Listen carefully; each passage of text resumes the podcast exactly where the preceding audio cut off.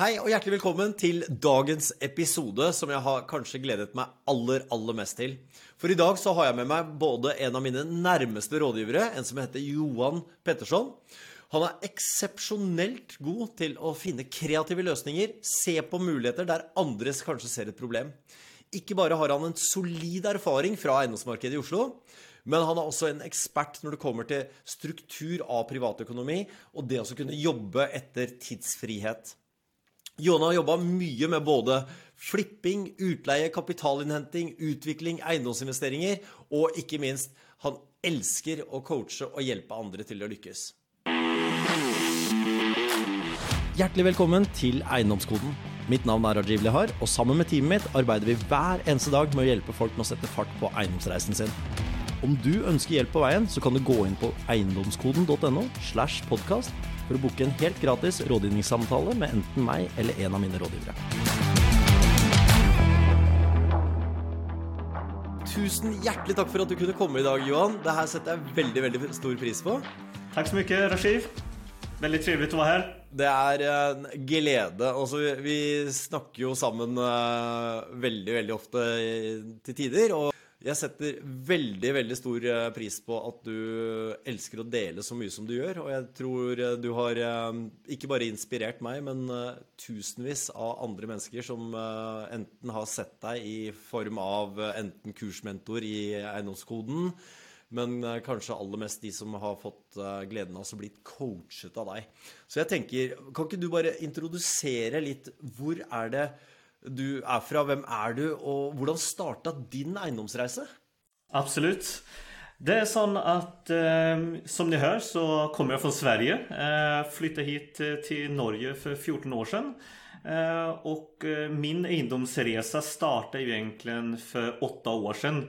Eh, det som gjorde att eh, jag blev intresserad speciellt av egendom det var egentligen att eh, jag var intresserad och sätta mig själv i en position som gjorde att jag hade mer valmöjligheter, mer frihet. Men också faktiskt att eh, se till att eh, jag i framtiden aldrig skulle vara i en väldigt sån hårt pressad ekonomisk situation som gjorde att man inte har möjligheten till exempel att gå ut och äta eller för exempel inte kunna ha möjligheten att eh, kunna flytta på sig om man inte önskar. Då. Så att eh, det är väldigt mycket det som gjorde att jag valde på den tiden att verkligen ta tag i min privatekonomi. Se på vilka möjligheter finns det ute här i Norge på att eh, skapa sig mer frihet. Eh, och det som jag kom fram efter att eh, ha, ha försökt på många olika ställen och se på vart man kan, kan finna ett köretöj då.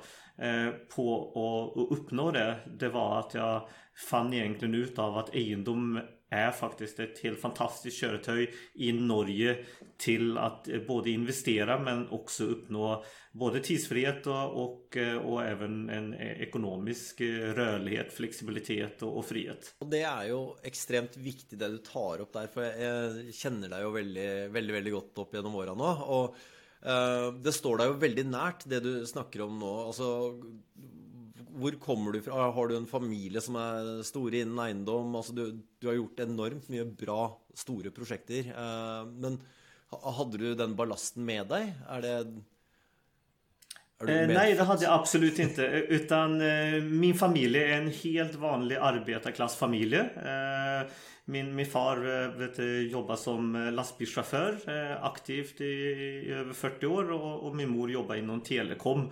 Eh, så att det har egentligen inte varit så väldigt mycket rörlighet och, och, och egentligen ingen som jag kände när jag växte upp i Sverige höll på med någon form av investeringar. Det är inte alls lika vanligt i Sverige att investera i fastigheter och egendom. Utan det de man vanligtvis investerar i det är det hemmet man bor i. Vilket är väldigt fint men det är inte alls vanligt att eh, ha en sekundärbolig eller hytte. Så som är väldigt vanligt här. De, väldigt många i Norge har ju en utlejelägenhet. Eh, det är ganska vanligt så att eh, det är mycket mer vad ska man säga? Eh, pra, folk pratar mycket mer om att investera aktivt med pengar som de har till, till övers. Eh, så, så min bakgrund är inte alls eh, någon form av finans eller egendom eller något fagligt inom eh, bygg. Så att när jag startade på min tid så, så startade jag egentligen mer eller mindre från noll och var tvungen att läsa mig upp på vad är det som ska till för att man ska kunna få möjligheten att köpa sin första bolig? Eh, möjligheten till att eh, gå från en till två och, och sen flera därefter. Eh, så att, eh, så att eh, det är lite min bakgrund. Jag har jobbat inom träningsbranschen. Eh, jobbat mycket inom salg har jag gjort. Eh, försäljning eh, egentligen hela livet. Eh, och sen också eh, varit leder eh, och hjälpt andra att prestera. Så det är egentligen det som jag har haft med mig hela vägen. Att jag har haft anställda och folk med mig och som jag har coachat och hjälpt för att att de har möjligheten att prestera sitt allra bästa. Då. Och där har du ju kanske ett av fundamenten som, som jag har skönt med dig. Alltså du, det att bygga upp andra och det å hjälpa andra. da. Och vi møttes ju för många, många års tid tillbaka, husker jag. Och, så har vi följt varandra i kanske tre, fyra, fem år. Hvor vi har liksom hatt et parallelløp. Og en av de tingene jeg la veldig merke til Du var en av de få som faktiskt heia på mig i sin tid. Selv om inte vi jobbade sammen eller hade något sammen. Och, vi, og, og vice versa, hvor vi egentligen heia lite på varandra fram till en dag då jag ringde dig och sa att du vet du, Johan, nu trenger jag lite hjälp. Och du, det, det var så intuitivt ja med en gång. För jag spurte om du kunde hjälpa mig med att hjälpa andra på sin resa. Vad, var orsaken till att du så oss si ikke tenkte deg om en gång när jag når jeg spurte deg om hjälp eh, för fem års tid tillbaka? Alltså jag kommer ihåg, eh, jag kommer ihåg när du ringde. Eh. Och det som är lite kul är att som du berättade ett par tre år före då såg jag Rashiv Lahar på scenen gjorde jag på ett seminar. Och när jag satt där i publiken så skrev jag att jag ska bli partner med Rashiv Lahar skrev jag i min bok. Eh, och sen ett par, tre år efter så, så, så kom det, eh, om man säger, och, och, och, blev en realitet då. Så att man ska absolut inte underskatta det med att skriva ner sina drömmar, mål. Eh, och då när du ringde så, så frågade du sån, okej okay, har du eh, lust att hjälpa mig med utläggsexperten, engångskoden? Eh, och då sa jag egentligen bara ja utan att jag egentligen visste vad jag sa ja till. så, så, så Eh, men anledningen till varför, en av anledningarna till varför jag sa ja, det var att när jag startade eh, min egendomsrace eh, och och jobba mot ekonomisk frihet och tidsfrihet. Det var egentligen att när jag startade så hade jag egentligen ingen att fråga.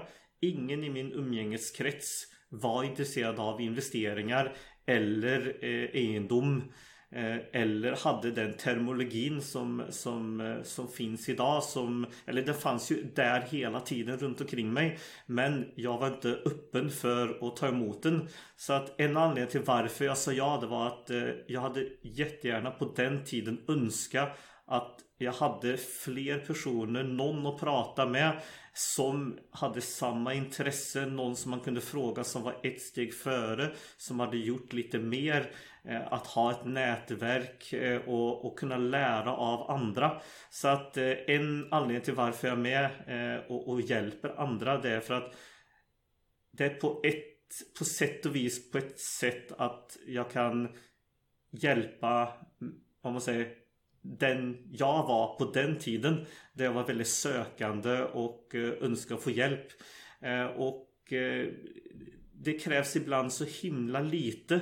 Ett uppmuntrande ord att du är på rätt väg eller att du ska kämpa på vidare eller att vet vad det du tror är möjligt är faktiskt möjligt för att jag har gjort det eller se på han, han har uppnått det eller han har det du vill ha. Att, att bara visa att det är möjligt bara det kan, kan göra underverk för folk då. Så att ha en chans att vara med att hjälpa andra i deras egendomsrace till till exempel att ha kunna gå ner i tid en dag i veckan eller till exempel att kunna se till att ha valmöjligheten till att kunna välja ett annat jobb eh, som de tycker är mer intressant och mer givande som är inte baserat på exakt hur mycket lön de måste ha för att de har lite passiv intäkter vid sidan.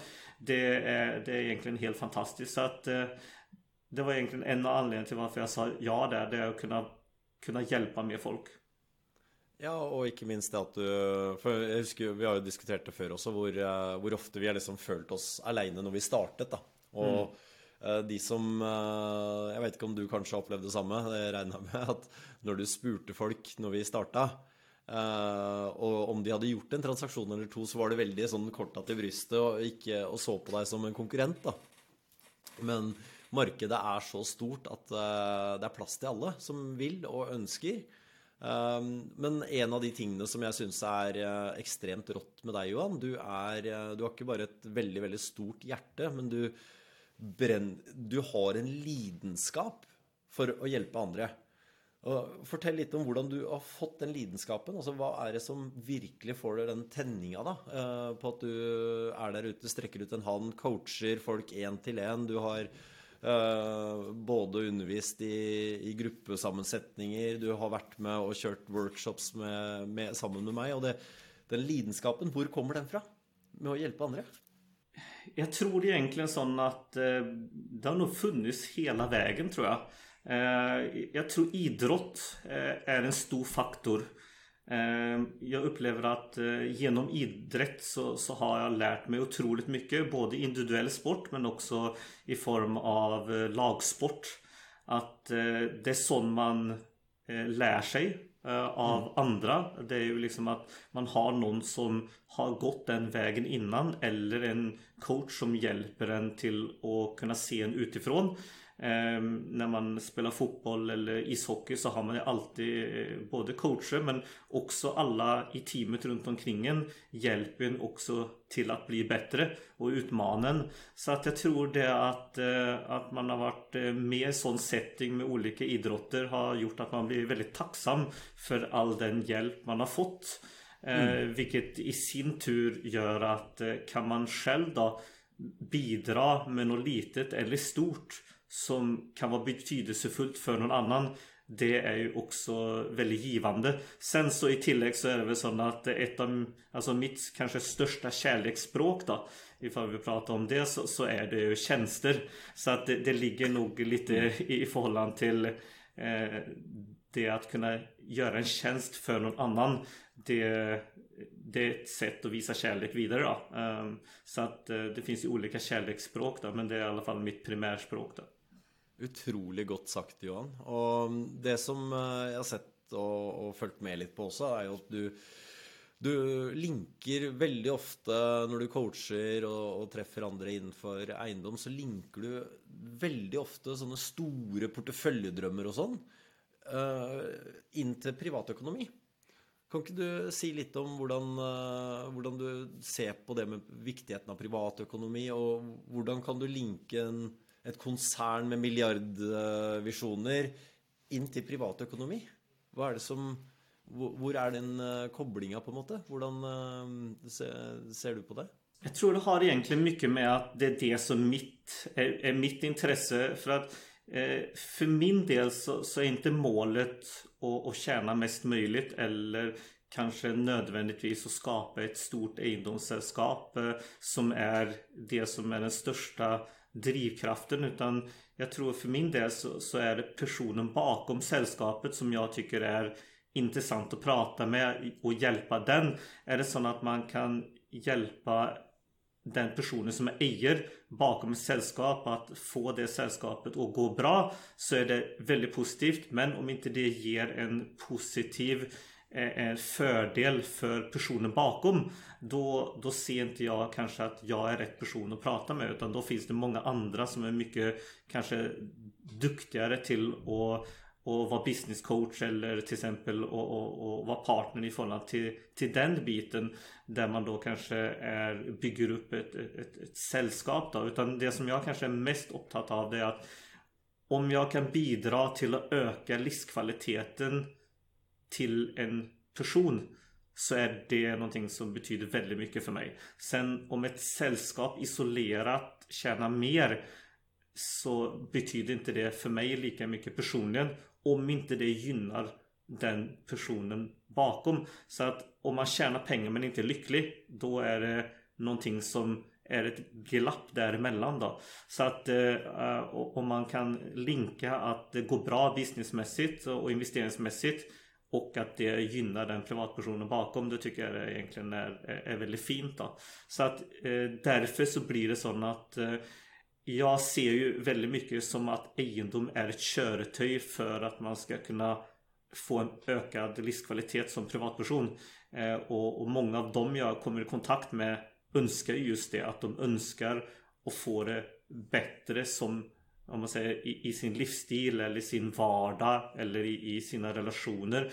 Och så ser de att eh, om jag då kanske kunde ha gått ner lite i tid eller jag kunde fått ägna lite mer tid till till exempel hobbys eller kunna resa lite mer. Då hade det gjort att man fått ett rikare liv. Och då ser man att egendom är ett fantastiskt köretöj för att kunna bidra med det. Då.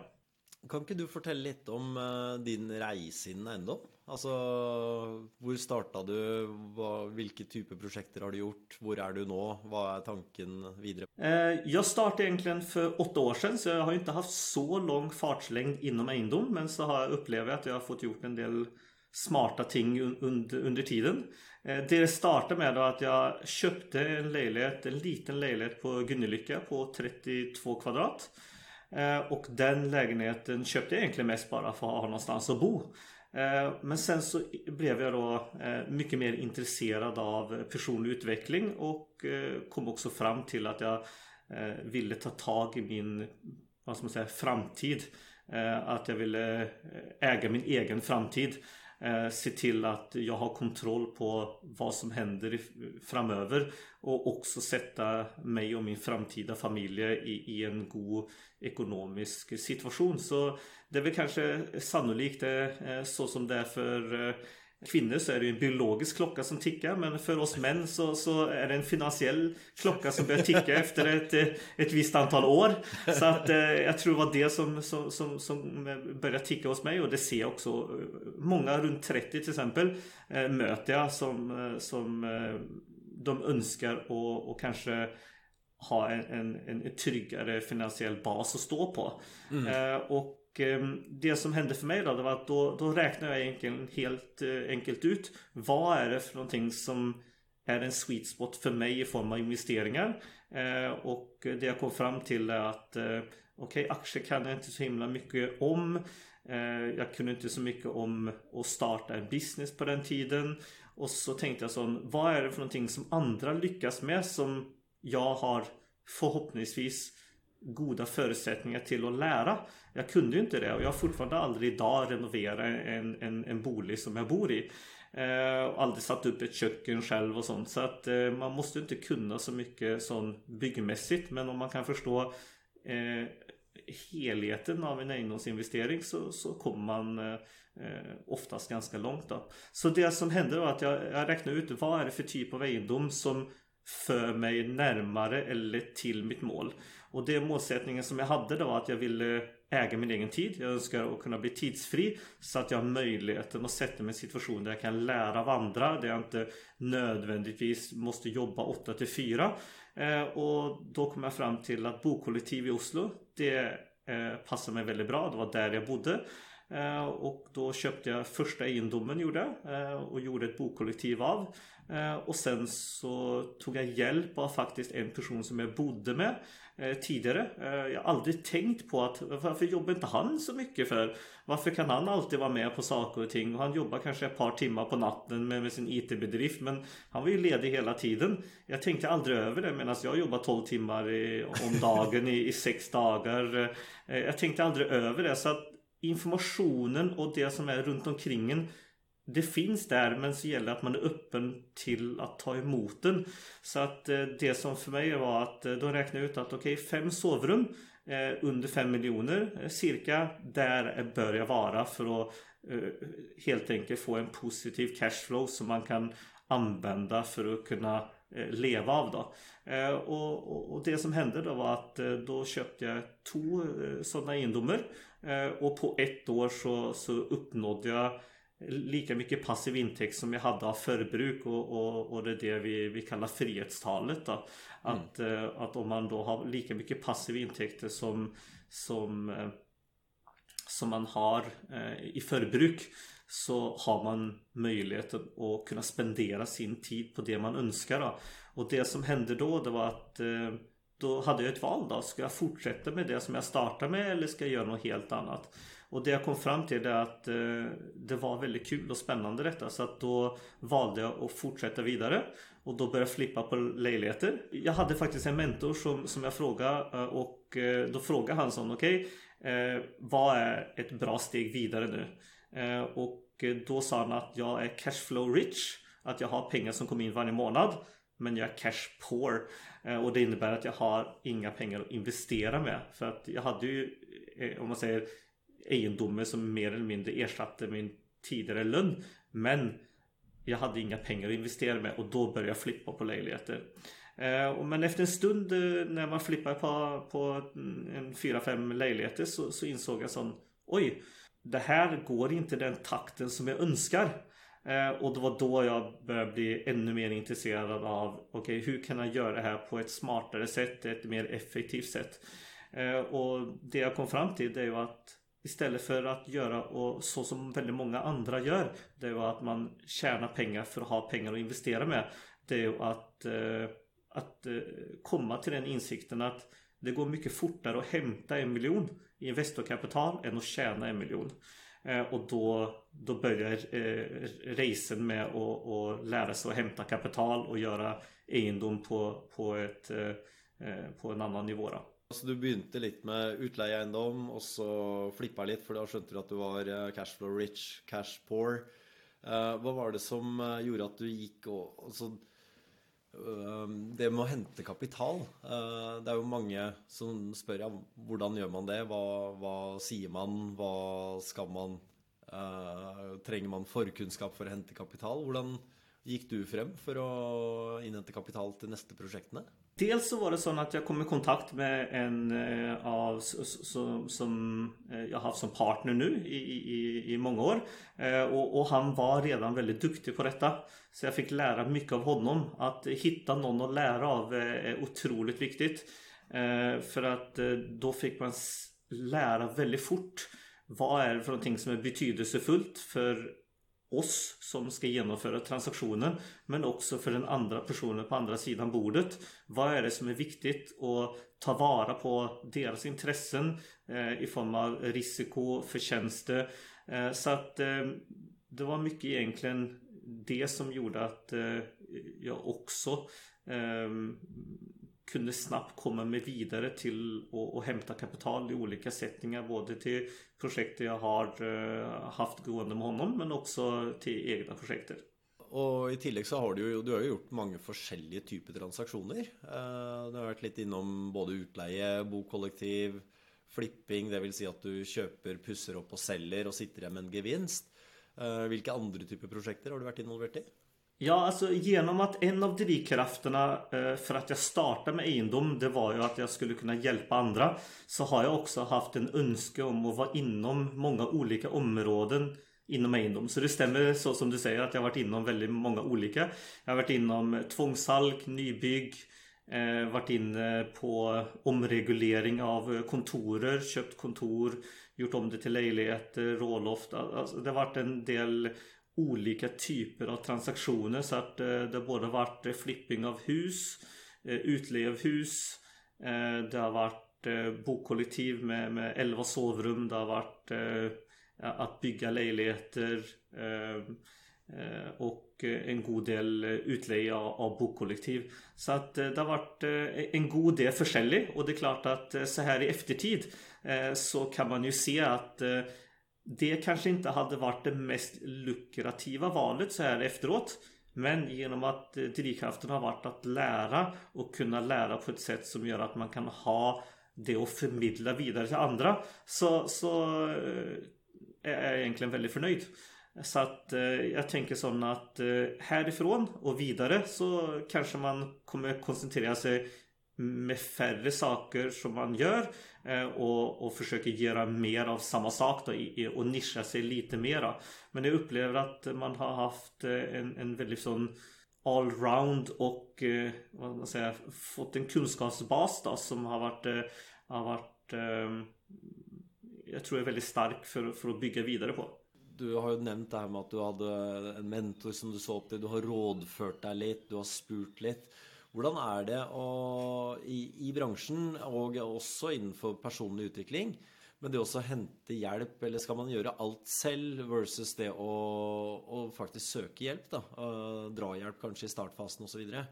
Hur eh, menar du den biten är, har varit och hur roll det har spelat i ditt liv då, och din succé? När det gäller personlig utveckling så kan jag säga att det har ju förändrat mitt liv totalt. Eh, utan att jag blev intresserad av det så hade jag aldrig suttit här idag. Jag hade säkert varit eh, väldigt glad, eh, eh ansatt, eh, har det superenkelt i form av att äga en, ja, en lägenhet och, och, haft det väldigt bra då också. Men jag upplever att den resan jag har gjort har gett mig mer flexibilitet. Så jag tror egentligen att jag har varit ganska nöjd oavsett för jag var nöjd för för, för 15 år sedan också. Men eh, det som jag tänker på det är liksom att i, inom personlig utveckling där är det väldigt vanligt att eh, det är en kultur där man ska hjälpa varandra. Eh, att man ska söka information och, och stötta varandra. Så jag tycker det är väldigt, väldigt fint. Men när det gäller egendom då är det väldigt vanligt tycker jag att folk tänker liksom att jag ensam är stark. Jag ska stå på egna ben, jag ska klara av att göra det själv eh, hämta kapital, ja men det eh, låter ju smart men inte någonting för mig. Eh, att söka hjälp. Folk är eh, öppna för det men också ganska lucket. Så att det är väldigt beroende på vem man pratar med. Så att, eh, men de jag kommer i kontakt med har oftast kommit eh, en plats i sin utveckling eller sin resa där de känner att vet du vad? Jag har försökt en del själv.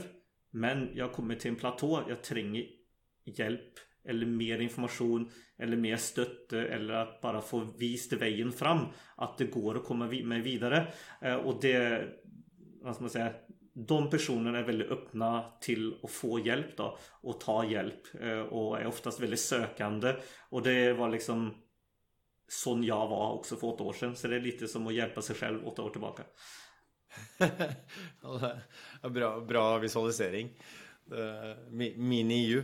Men så, så, er det jo altså i, i, forhold til transaksjoner og sånt nå eh, Du er jo ekstremt dyktig på å finne og skape vinn-vinn-scenarioer.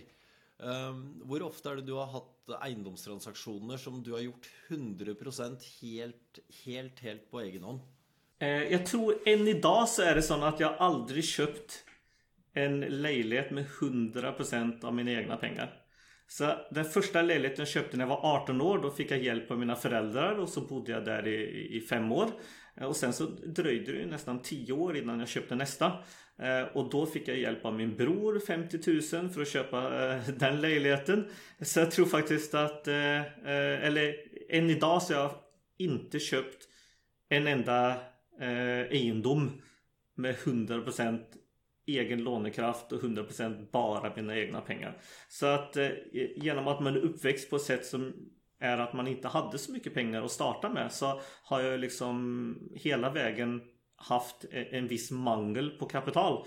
Eh, och när man har det så, så gäller det att man är kreativ och försöker finna ett sätt som gör att man kan ta sig vidare på eh, utan att man låter det hindra en då. Eh, så att det det är fortfarande så än idag att jag inte har eh, köpt med 100% av eh, eh, egna pengar sånt sätt. Så, så, man ska inte låta det hindra sig då att, eh, att för det är bara vissa pusselbitar egentligen som man behöver ha. Ska man köpa en egendom privat så är det vilka pusselbitar då? Jo, du behöver ett objekt att köpa.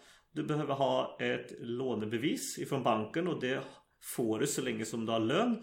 Och sen så behöver du egenkapital. Så det är tre pusselbitar. Och är det så att man saknar en av dem eller delar av den. Då, då får man se på hur kan jag få hjälp med att få den pusselbiten på plats. Och vad kan jag erbjuda för någon annan för att få den hjälpen? Så om man till exempel saknar 100 000 då, eller 500 000 i kapital och man vet att det finns en, en, en kompis som till exempel har en lägenhet med säkerhet. Då får man ju se, okej, okay, vad är det som ska till för att den personen ska vara villig att ta den risken att hjälpa mig och på vilket sätt ska jag se till att den personen upplever det och att det är eh, så liten risk som möjligt och att den förstår vad är det för någonting som man kommer överens om både med risker och förtjänst och att man gör det tillräckligt attraktivt för att den ska hjälpa en då den första gången när man har fått hjälp en gång så kanske man inte behöver hjälp nästa gång så att det kanske är den ena transaktionen man faktiskt verkligen behöver hjälp med då.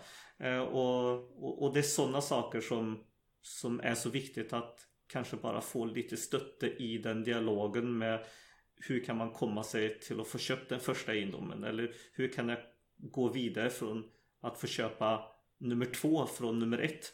För oftast är det så att när folk startar och investerar som privatperson så är det kanske lätt i starten och sen så möter man en stor vägg och den känns kanske helt oöverkomlig på hur man ska gå vidare till nästa steg då för att banken kanske inte helt är med. Men, men då är det så att eh, det visar sig gång på gång att det inte alltid är så att man har maxat ut lånekraften utan det är kunskapen och personen bakom som inte vad ska man säga, har utnyttjat full potential på, på, på lånekraften. Då. Det är väldigt intressant det du säger där och det med pusselbiten också.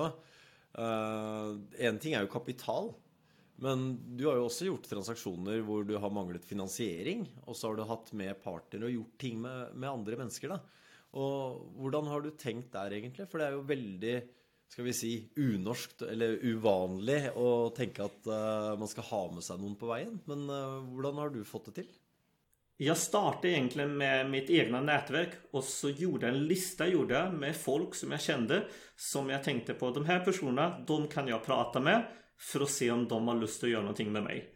Eh, och då är det så att när man är helt ny, alla, alla är, har ju någon gång varit helt nya.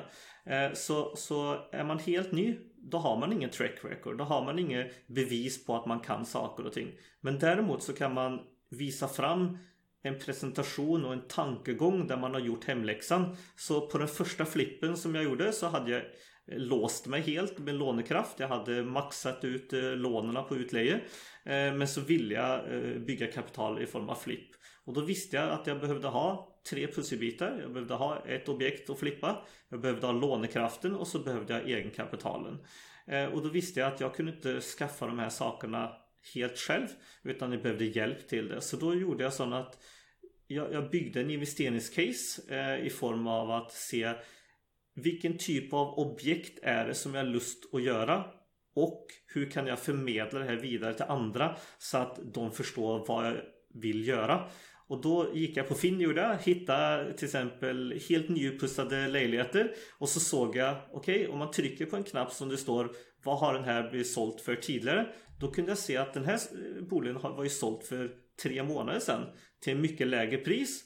Och sen så räknade jag baklänges att okej okay, den här upprustningen sannolikt kostar 800 000 Okej, okay, de eh, håller på att sälja den här för 1,5 miljoner mer. Okej, okay, här finns det pengar att göra om de får sålt till det priset som de önskar. Och då följer jag med på budrunden och så registrerar jag. Okej, okay, det här blir den sålt för. Det här var de köpte för. Det här är finanskostnaderna. Och det här är eh, det som är renoveringskostnaden. Och så såg man att det här är gevinst däremellan. Och, och, och då hade jag helt plötsligt en case då som var sån att Okej okay, Rashiv har du lust att vara med mig på en transaktion så ser det ut så här. Jag har lust att göra i det här området. Det är den här typen av renovering jag ser för mig att, att eh, vi kan göra. De här personerna lyckas med det. Ska vi också göra en liknande sån transaktion där vi har möjlighet att få den vinsten. Och, och, på den vägen var det att eh, de första tre de sa nej. Och sen så sa fjärde personen, kompisen, han sa ja okej okay, vi kör. Eh, jag hade ingen erfarenhet av renovering alls. Eh, och jag körde flis på flis på, på, på väggarna gjorde jag. Eh, de billigaste fliserna, han hantverkaren kom in till mig och han sa Det här är ditt första projekt va? Jag bara, ja, ja jättestolt. ja, det här är mitt första projekt. Ja, jag ser det på flisvalet, sa han. Så jag körde sån 2020 flis, eh, vita. Det, det som är kanske det absolut billigaste och, och, och tråkigaste valet man kan göra. Men eh, jag tänkte vi ska spara pengar här. Här ska det vara billigt. Eh, och så gick det väldigt bra. Och sen så efter ett par, tre, ja, fyra transaktioner då kom de tre tillbaka som, som jag frågade i starten med eh, och sa men, ja, men kanske vi jag har hört att det har gått bra vet du, när, när du har gjort transaktioner då eh, kanske vi ska göra något tillsammans och så på den vägen var det. Så att, eh, att ha flera möten och presentera och få nej det är eh, absolut inte nödvändigtvis något negativt utan eh, snarare positivt. För vanligtvis så om man eh, frågar eh, vad är det som gör att du kanske inte vill vara med den här gången. Då säger de det och så kan man förbättra det till nästa möte. Då. Det är lite som när man söker jobb. Får man inte det jobbet så kan man gott fråga okej okay, vad är det för någonting som hade gjort att jag kunde fått det här jobbet? Vad är det för någonting jag, eh, ni ser att jag kan arbeta med som kan förbättra mina chanser att bli anställd hos er i framtiden? Vanligtvis så, så, så, så, hjälper den arbetsgivaren till att säga Vet du vad? Du behöver mer erfarenhet eller du behöver en högre utbildning eller jag tror du behöver ja, bygga lite mer som person i form av presentation. Alltså då säger vanligtvis ärligt vad är det för någonting man behöver förbättra. Och så kan man jobba med det och så går man på nästa intervju och så har man en större chans då. Där är det ju också viktigt att få med sig det här med eh, som du brukar säga med att eh, CVn i en jobbsøkersammenheng blir jo litt av investorcaset man lager, som man presenterer. Og noen ganger så må man endre litt på den CV-en eller investorcaset for å tilpasse den stillingen man søker. Mm. Og, og, der jeg liker den måten du, du sammenligner det med, da. Også, og det å ikke gi seg, ikke. Det er jo eh, det er jo eiendom. Det er som alt annet. Det går opp og det går ned. Og det er, det er viktig å vite hvorfor man, man driver med det. Og det, det er du veldig flink til å få frem. Du har vel hatt noen nedturer òg, eh, regner jeg med, siden eh, du har holdt på i såpass mange år. Det er vel umulig å ikke være i eiendom og ikke haft hatt nedturer. Kan ikke du fortelle litt om de nedturene som du eh, husker aller best? Det är väl ett par ting som, som jag ser. Det, det ena det är ju liksom att eh, en del större projekt är inte nödvändigtvis väldigt mycket bättre. Utan det är så att ju mer ju större det är desto mer komplext är det. Ju mer tid tar det, ju mer mantimmar kanske det tar. Ju mer fagfolk är det inblandat. Eh, vilket gör att eh, om man räknar eh, förtjänster så ska man absolut inte se liksom att det liksom blir en ny nivå eller eh, en karriärstege av att gå från att flippa en liten lägenhet till till exempel och, och, och, och bygga nytt till exempel. Det är inte säkert det är eh, en karriärs eh, vad ska man säga eh, Eh, stiger att det, det, är så att det är bättre utan eh, så, så, jag tror en av de eh, nedturerna jag har varit med på det är liksom att jag kanske har eh, fått möjligheten att göra lite för stort lite för snabbt. Vilket gjorde att jag kanske inte var helt redo till att, att göra så pass stora transaktioner som, som jag gjorde i starten. Eh, men som tur är så, så har man haft eh, folk runt omkring sig med, med tyngder som har hjälpt till. Men, men, men det, det är liksom sån och, och, och jag och Rashid, vi har ju varit med på en del, eh, en del resor också i form av att eh, saker och ting inte är helt gott som det ska. Men, men det som är häftigt där det är liksom att eh, man står väldigt starkt samman när man har mm. eh, samma värdegrundlag. Eh, och eh, det är i nedturen man verkligen lär känna varandra och vet eh, vart man har varandra. Så de partners som jag har haft när det har blåst De vet man verkligen vart man har då. Mm. Och, och, Det som har varit fantastiskt egentligen i form av de nedturerna det är att med de partners som, som jag har haft de nedturerna med så är man fortfarande väldigt goda vänner. Man eh, har stått starkt samman eh, oavsett vad som har kommit egentligen och eh, ridit ut ur det då. Så att eh, på ett sätt så, så, så känner jag att eh, själva transaktionen eh, har kanske varit väldigt tuff men partnerskapet har varit bra. Eh, så att, eh, och, och, och sen så har kanske andra partnerskap inte gått helt som det ska. Eh, men så har man ändå eh, lyckats hitta en fin väg vidare från eh, att det kanske inte var så god match då. Så att det, det tänker jag sån att då har man lärt sig, lärt sig om det då. Så jag tror i starten så var jag väldigt, väldigt hungrig på att göra saker. Nu tror jag att när jag har varit med Eh, inte så länge fortfarande men, men eh, en del år så nu tror jag att jag har en, en li, lite mer balanserad syn och, och nyanserad syn på, på, på ting och, och har inte lika bråttom vilket tror jag också är en styrka då, vidare. En av de tingene som du är, påpeker väldigt ofta när det är lite eh, ska vi säga, vind i eh, kasten här det är ju att veta varför man driver med det här. Att man inte ger upp underveis.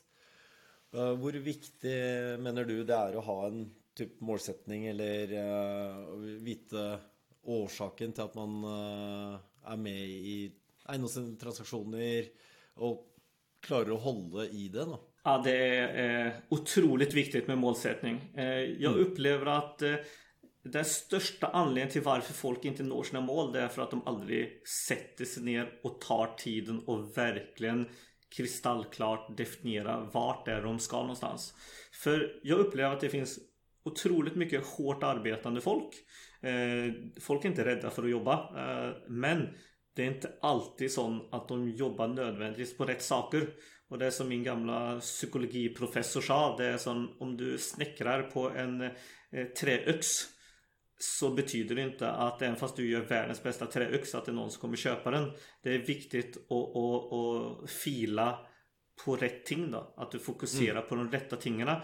Eh, och när folk kommer till mig och frågar okej okay, ska jag köpa den egendomen eller den egendomen då, då, då säger jag men det, det, vet inte jag för att jag vet inte vart du ska någonstans. Så om du vet vart du ska då vet du svaret själv på om du ska gå den ena vägen eller andra vägen. Så att målsättning är otroligt viktigt. Eh, det är det. Men sen så ska man inte heller glömma bort att man ska också arbeta med processen. Eh, det är så att om man finslipar processen då kan man eh, smälla de vet du, eh, målsättningsbarriärerna långt, långt, långt vidare också. Så att en del säger att om man sätter en målsättning så begränsar man sig. Men om man kan jobba både med processen och finslipa hur man gör saker, hur man är som person, är vanor eh, och, och att man ger sig själv ordentligt med tid till att lyckas.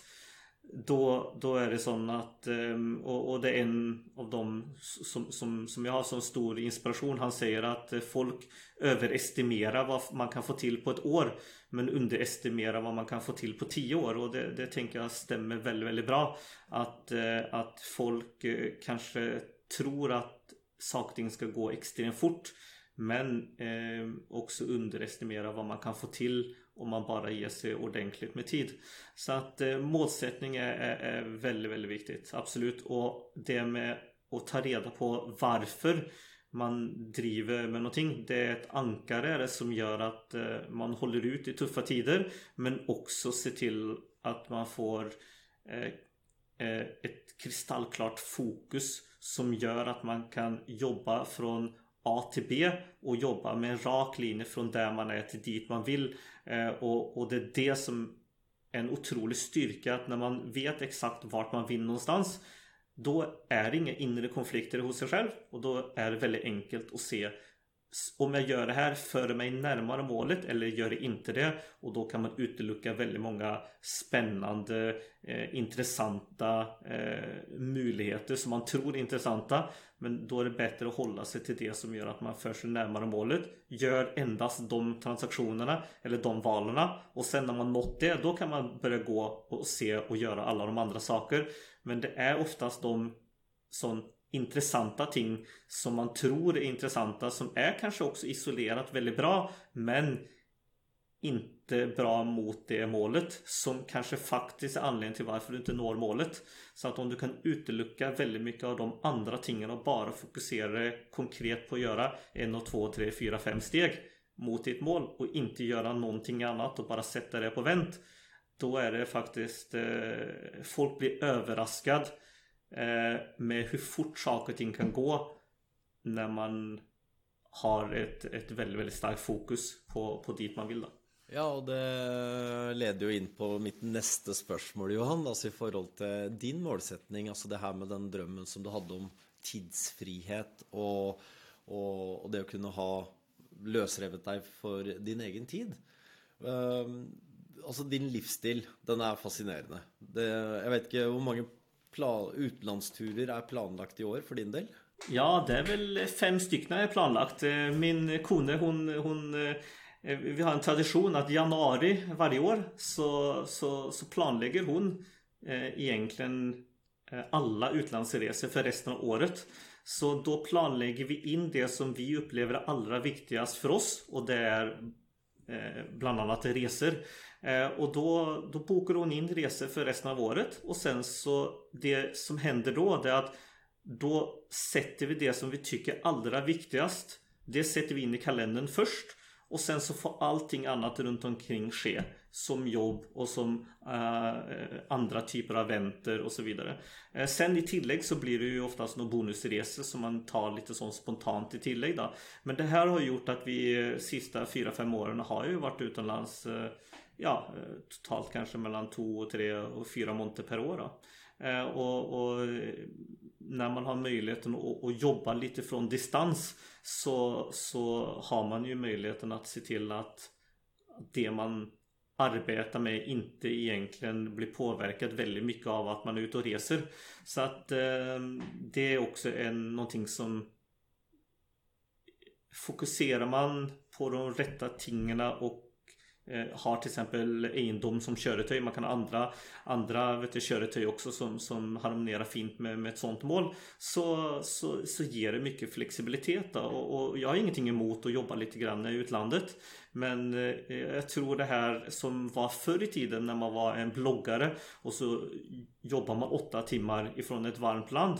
Eh, det är, är lite utdaterat. Nu tror jag att det folk Alltså det jag märker folk vill ha Det är en geografisk frihet där de kan resa mycket men inte nödvändigtvis jobba eh, fulltid när de är utomlands. Men om de jobbar 3-4 timmar Det är som regel eh, väldigt, väldigt eh, om man säger, enkelt för folk att, att, att, göra.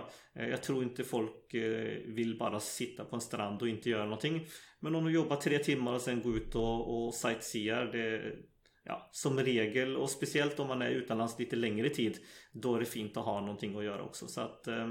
Nå har vi varit lite inom både det här med och viktigheten av att sätta sig målsättning, pröva att få den kristallklar. Uh, det är ju mycket av det du både hjälper och coachar till med också. Det är liksom att finna ut av den där drivkraften, inre drivkraften och varför man ska nå det målet.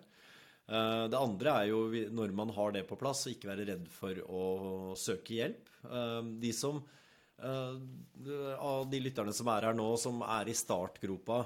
Hva tenker du altså Hvis man har målet på plass, uh, hvor bør man söka hjälp hen? Hva, hva bør man se etter i, i nästa steg? Jag tänker att försök se i, i sin, sitt egna nätverk i förhållande till vem är det som har eh, det som jag önskar att, att ha. Eh, vem har den livsstilen eller vem har den typ av bil som jag har? Hur, hur skaffar den eh, och har råd till det? Och, och, och lite sånt eh, Se lite grann och utforska lite grann. För, för man behöver inte få allt av en person. Man kan ta en liten godbit av, eh, av olika. Det kan vara att en person, han har en fantastisk relation vet du, eh, med sin familj till exempel. Okay? Då kan man lära av det. Okay? En annan person är väldigt duktig inom business. Okay? Ta en kaffe och bara eh, hör med han hur han tänker. Eh, Kanske någon annan som har investerat i egendom. Försök eh, komma i kontakt med den personen. Eh, så att, att hitta Eh, ett annat rum då. Eh, det är som, som folk säger att om man är smartast i rummet så borde man byta rum. Är det så att du sitter i, i, i ett umgängeskrets och ingen egentligen har något av det som är din nya version. Ja okej, okay, då, då gäller det att kanske byta rum och försöka komma i kontakt med andra. Söka olika forum, söka olika möjligheter av, lära av folk som erbjuder eh, olika tjänster som gör att man kan Eh, få möjligheten att, att lära av andra som har gjort det innan. Så att jag tänker så att det, det är otroligt viktigt att eh, och, och, ett otroligt bra sätt att göra det på det är att det finns ju tusentals av böcker av människor som har lust att, att dela med sig och jag upplever att gamla böcker eh, som är kanske skrivna av, av, folk som, som kanske inte lever idag. De, de, de, de har ju eh, skriver böcker framförallt för att dela kunskap vidare. Eh, i, idag så är det ju kanske lite mer kommersiellt så, som gör att man, man skriver böcker som en del av, eh, av eh, vad ska säga, en produkt man säljer och så vidare. Så att eh, jag upplever att de, de äldre böckerna eh, ja, det finns otroligt mycket kunskap där. Det finns ljudböcker, det finns sådana böcker som gör att du kan få en uppsummering på 15 minuter. Alltså det finns otroligt mycket kunskap man kan, kan ta till sig av att bara lyssna. Eh, av att läsa. Eh, men, men man ska inte glömma bort att, att ha någon att ringa till.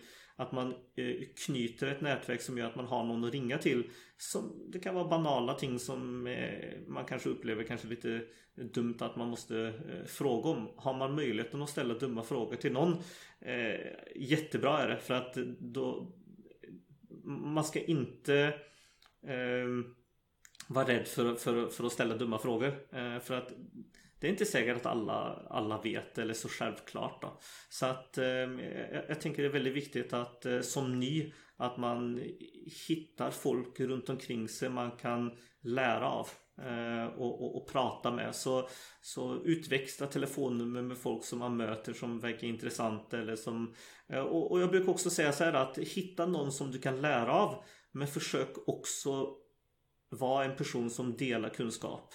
Hitta någon person som kanske du är ett steg före den personen eller två steg före. För det som händer är att när den personen ställer dig frågor då kommer du märka är det intellektuell information du har fått? Kan du förstå saker intellektuellt? Eller har du det som kunskap? Och vad jag menar med det är att när du lyssnar till exempel på, på ett webbinar eller du lyssnar på en bok Då kanske det är så att ja, men det här, det, det här eh, Jag förstår allt vad han säger Men Sätter du dig själv i en situation som gör att du måste lära dig vidare Då märker du, kan du det eller? Eller har du bara förstått det sån intellektuellt då? Så att, att kunna vara lärare och undervisa andra eh, det, det, det, är väldigt fint för då, då ger man vidare också eh, Men man lär också väldigt mycket av att att en annan person som, som ställer eh, vad ska man säga, frågor till en Då märker man om man kan det eller inte du er jo både, både, kursmentor i eiendomskoden, men også coacher. Eh, og du holder undervisning i gruppesammenstilling, du er med på workshoper osv. Og, og det er jo mange av lytterne har kommet et godt stykke, og så er det en del som liksom funderer på om eiendom kanskje er en riktig reise for de, eller eh, kanskje trenger eh, Har den drømmen om tidsfrihet osv. Hvis du på tampen nå skal gi dine beste råd for å komme dit du er i dag, med din type tidsfrihet, det du har gjort, hva ville det ha vært? Det hade varit att eh, sätta sig, ta reda på vad är någonting som hade verkligen ökat din livskvalitet och sett det konkret som en målsättning och jobba väldigt hårt mot det. Eh, och, och vara villig ta risker, vara villig till att och, och vad jag menar med risker det, det är att fråga om hjälp, eh, be om hjälp, betala vet du, för att få hjälp. Det går mycket fortare till exempel. Eh, investera i dig själv för att komma dig vidare. För att det som är att sannolikt den bästa investeringen du kan göra oavsett vad det är. Eh, det är att eh, om du har 100 000 Spendera en del av det på dig själv. Om du lägger i aktier så får du 10 000 på ett år men om du spenderar de pengarna på kunskap så kanske du kan få 10 gånger så mycket tillbaka eh, över tid. Så att eh, jag skulle säga att investera i dig själv. Sätt målsättning i form av vad som verkligen kan eh, ha betydelse för dig. Eh, och sen jobba hårt för att, att uppnå det. Ja, det var fantastiskt bra uppsummerat eh, Johan. Jeg tenker det er eh, dessverre det vi rakk for denne gangen. Og tusen, tusen hjertelig takk for at du stilte opp, og at du er så raus med både kunnskapen, erfaringen din, Johan. Det setter både jeg og er ganske sikker på at eh, lytterne også setter veldig veldig pris på at du deler med deg. For deg som hører på, ikke glem å abonnere på denne podkasten, og legg gjerne igjen en kommentar og en rating.